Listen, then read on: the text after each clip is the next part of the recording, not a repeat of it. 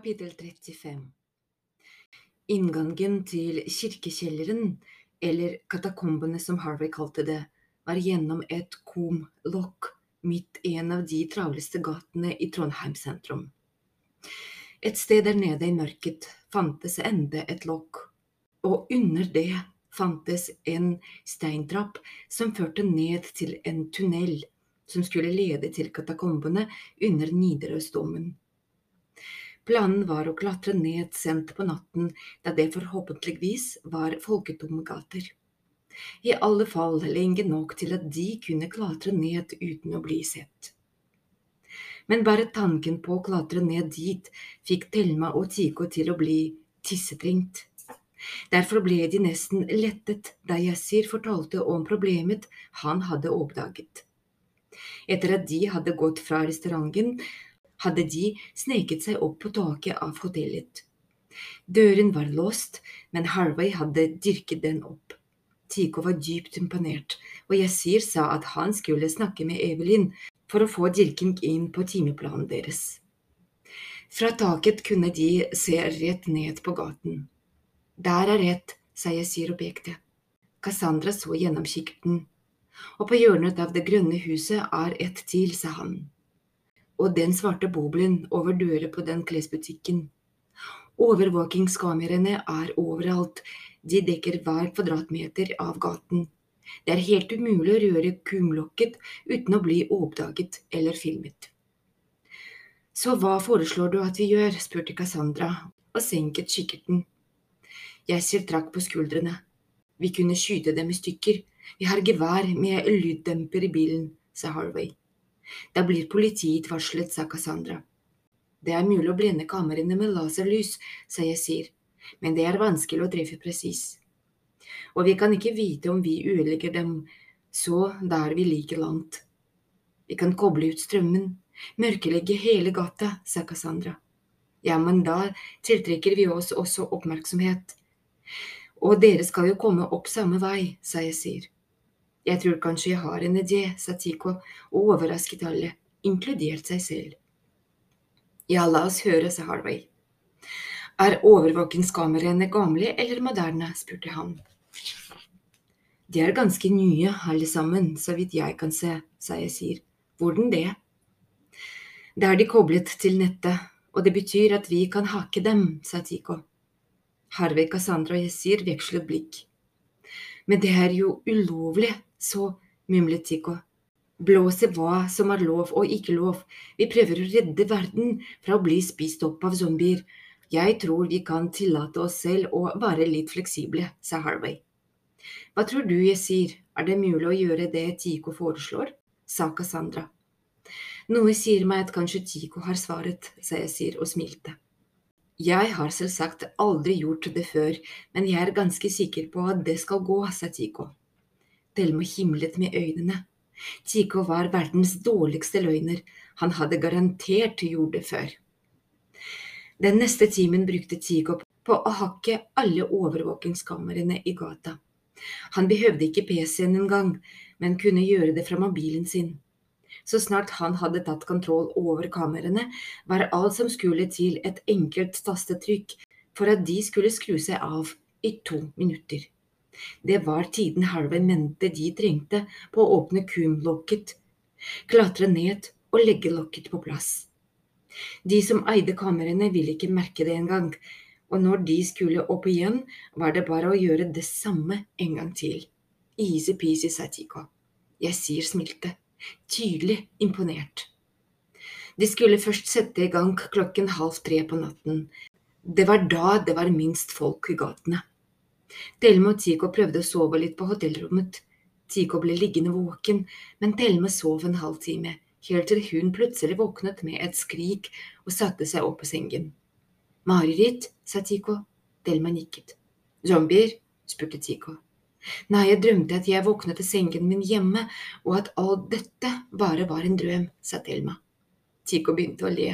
Thelma også. Du fikk mareritt av å være tilbake i den gamle, kjedelige livet ditt, sa Tico. Du vil heller slåss mot zombier og risikere å dø eller selv bli zombie. Du vet at det er ganske sykt. Sykt, sa Thelma. Så lo de, til det verket i magemusklene. Etterpå samlet alle seg i varebilen som Yasir hadde parkert i garasjen under hotellet. De fikk på seg hjelmer med hodelykter og webkamera, hansker og knebeskyttere i tilfelle de måtte krype der nede. Geiser visste også hvordan mobilsendere skulle brukes. Det var små bokser med en antenne, omtrent på størrelse med en fyrstikkeske, som skulle videresende signalene fra mobilene deres til overflaten. Legg dem med 20-30 meters mellomrom, så kan Evelyn, Luana og jeg følge med og hjelpe dere, sa Yasir. Etterpå viste han frem noe som lignet på en litt tjukk penn han hadde fått av doktor Spinelli. Det var instrumentet de skulle bruke til å ta prøve av hjernen til Olav den hellige, eller det som var igjen av den. De skulle bare presse pennen mot skallen hans på riktig sted og trykke på en knapp. Der ville en spesiell nål skytes inn i hjernen. Så snart de hørte et pip og den lille lampen på pennen blinket, var prøven i boks, og nålen ville automatisk trekke seg inn igjen. Alle fire fikk hver sin prøvepenn. I tilfelle det skjer noe uventet, sa jeg sier. «Telmo og Tico, dere er ved god mot? spurte Harvey. «Telmo og Tico nikket. Ok, da setter vi i gang kapirasjonen Olaf, sa Harvey. ser startet bilen. Kjøreturen tok under ett minutt. Han parkerte rundt hjørnet for gaten med Han parkerte rundt hjørnet for gaten med kumlokket. Alle fire hadde nå øreplugger koblet til mobilen og kontakt med Luana og Evelyn. De satt i kommandorommet i Oslo og kunne se live video fra de fire hjelmkameraene deres. Lykke til, sa Luana så hoppet Yasir ut av bilen, sjekket at kysten var klar, og banket to ganger på bilen. Thelma, Tico, Harvey og Cassandra hoppet ut fra lasterommet. Gatene var nesten tomme. Bare en kostebil holdt på i den andre enden av gaten. Yasir tittet frem bak hushjørnet for å sjekke at den var tom for mennesker. Så snudde han seg og nikket til Tico som sto klar med mobilen. Etter fem sekunder hadde han satt alle kameraene og gaten offline. Tico rakte en tommel i været. Det var bare noen få meter bort til kumlokket. Harvey og Cassandra vippet det opp med hvert sitt brekkjern og dyttet det til side. Harvey klatret ned først, så Tico, så Delma. Cassandra til sist. De klatret ned langs stålbøyler som var støpt inn i betongen.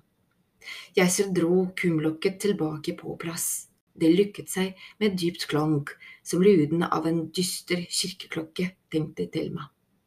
Hun tittet ned og kunne se den gule hjelmen og lampen til Tico noen meter under seg. Cassandra festet en mobilsender i den øverste stålbøylen. Thelma, er alt i orden? spurte hun. Thelma nikket. Så klatret hun etter de andre. Lampene på hjelmene lyste godt opp, og de nådde bunnen raskere enn Thelma hadde fryktet. De var neppe mer enn fem–seks meter under bakken, kanskje mindre. De befant seg i en lang tunnel, bakken var dekket av grov grus, på alle andre kanter var de omgitt av svart, vått fjell. Ulike rør opptok mesteparten av plassen, et tykt, rustent jernrør og noen tynnere rør av plast to svarte og et rødt. Jordas blodårer og sener, tenkte Thelma, og fikk plutselig en kvelende følelse av at de var inne i en kropp. Hun så for seg at rørene begynte å pulsere og bukte seg, så for seg hvordan de skled fremover som gigantiske meitemark som presset seg gjennom jord, fjell og stein, og at tunnelen raste ned over hodet på dem. Vi er allerede døde, jordet har slukt oss, tenkte hun. Thelma? Thelma reagerte ikke. Thelma! Thelma skvatt. Det var Tigo som freshvisket. Kommer du? sa han. Delma nikket. Så fulgte hun etter Tico. Et stykke foran dem hadde Harvey og Cassandra stoppet. Her er den, sa Harvey. Han gravde grusen med skotuppen, og en rystende gjerning dykket frem.